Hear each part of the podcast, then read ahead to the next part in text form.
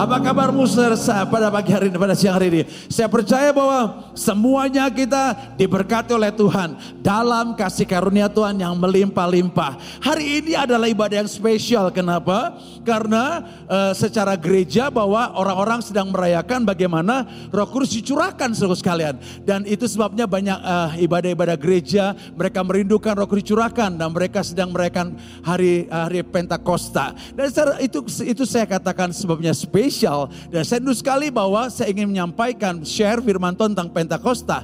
Dan saya rindu sekali bahwa seluruh jemaat Tuhan boleh mengalami kuasa Roh Kudus. Yang belum dibaptis Roh Kudus mengalami baptis Roh Kudus. Yang sudah dibaptis tapi mengalami kemunduran kekeringan rohani engkau kembali mengalami kebangunan rohani kegerakan yang baru. Karena kita punya pekerjaan yang besar untuk Indonesia dan bangsa-bangsa. Di mana pun kau berada saya pastikan bahwa kau pasti mengalami lawatan Tuhan yang spesial, yang luar biasa. Haleluya.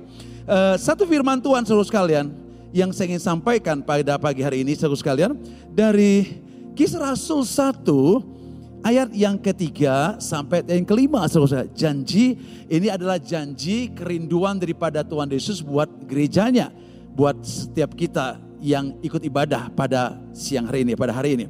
Dari kisah Rasul 1 ayat 3, 4, dan 5 demikian firman Tuhan kepada mereka yang menunjukkan dirinya setelah penderitaannya selesai dan dengan banyak tanda yang membuktikan bahwa ia hidup.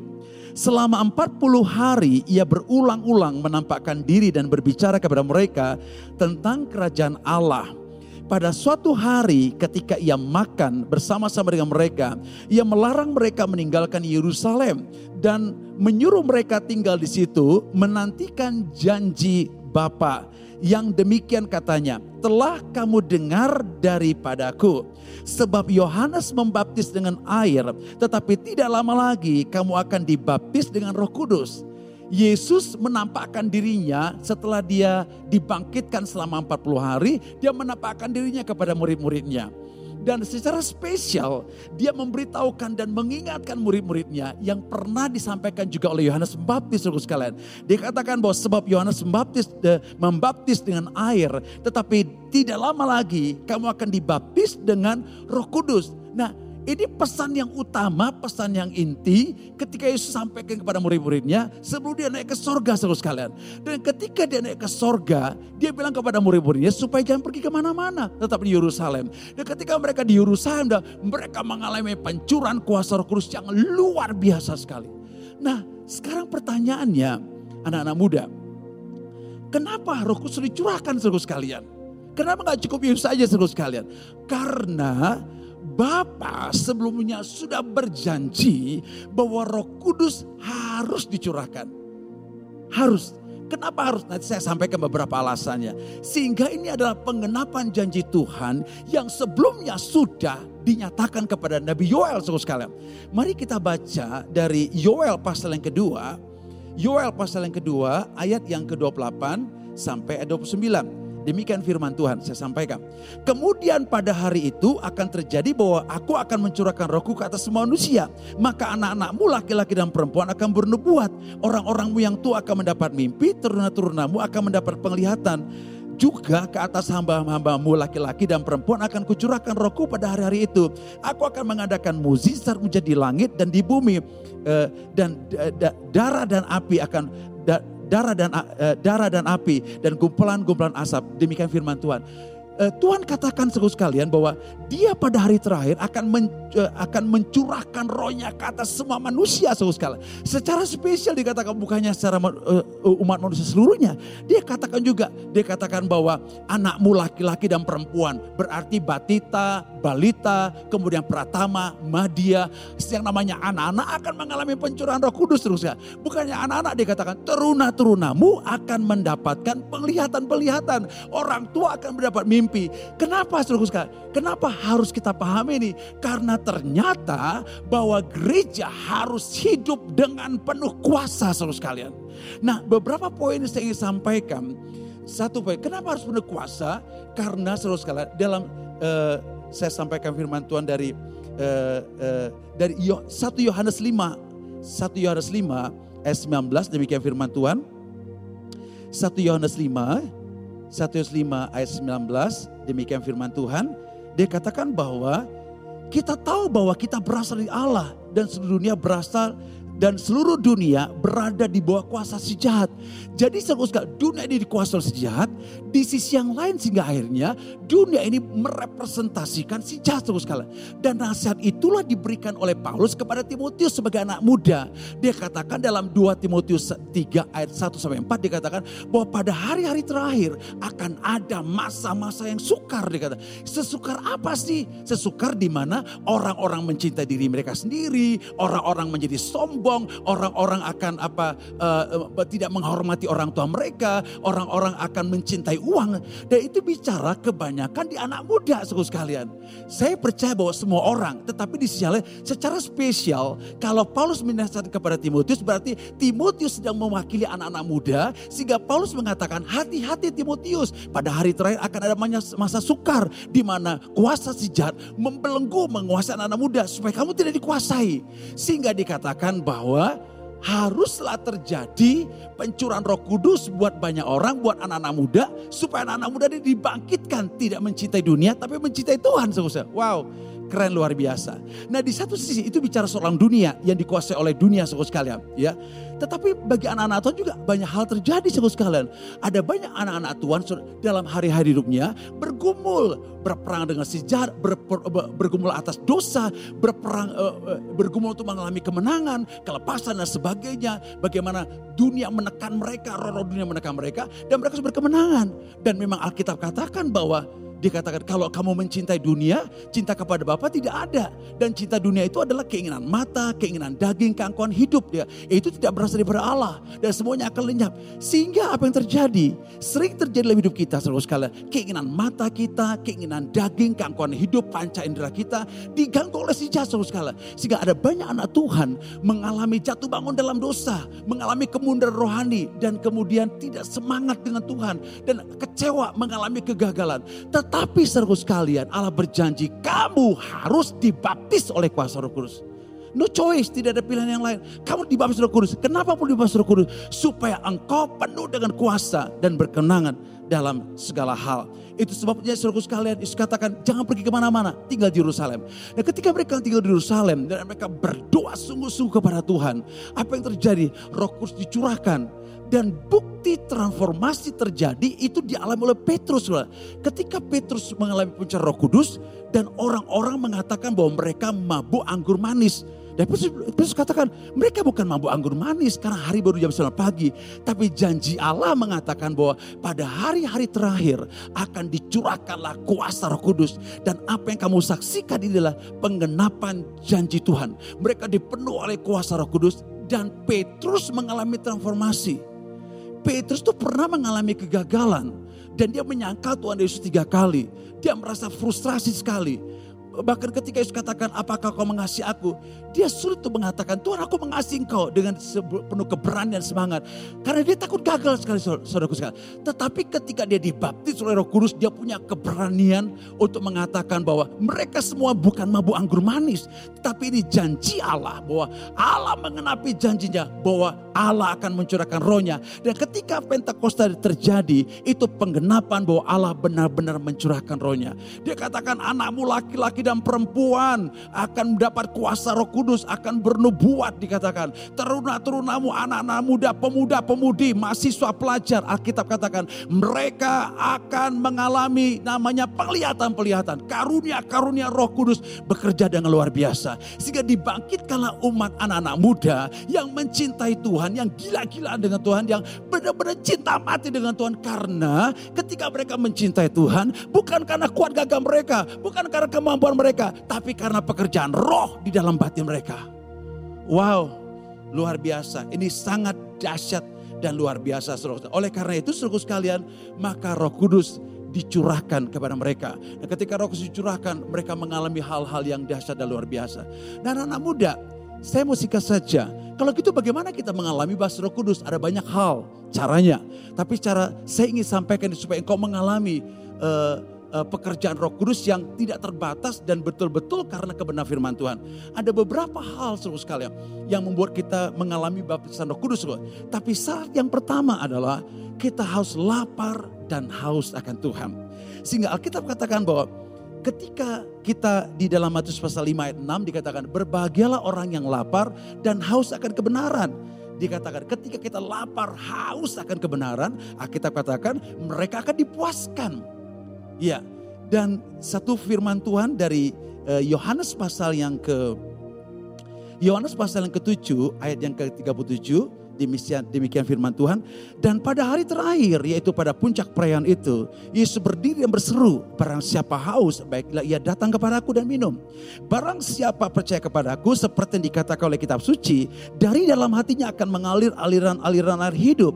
Yang dimaksudkannya ialah roh yang akan diterima oleh mereka yang percaya kepadanya, sebab roh itu belum datang karena Yesus belum dimuliakan. Karena Yesus belum dimuliakan.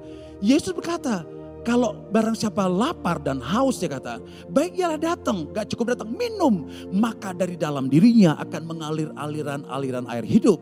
Jadi kita lapar haus, kita datang kepada Tuhan. Ketika kita datang kepada dia, kita meminta kepada dia, maka roh kudus curahkan kepada kita. Dan Alkitab berkatakan, dari dalam hatimu akan mengalir aliran-aliran air hidup dari dalam diri kita. Karena pekerjaan kuasa roh kudus, sekali. Itu yang pertama, kita harus lapar dan haus akan Tuhan.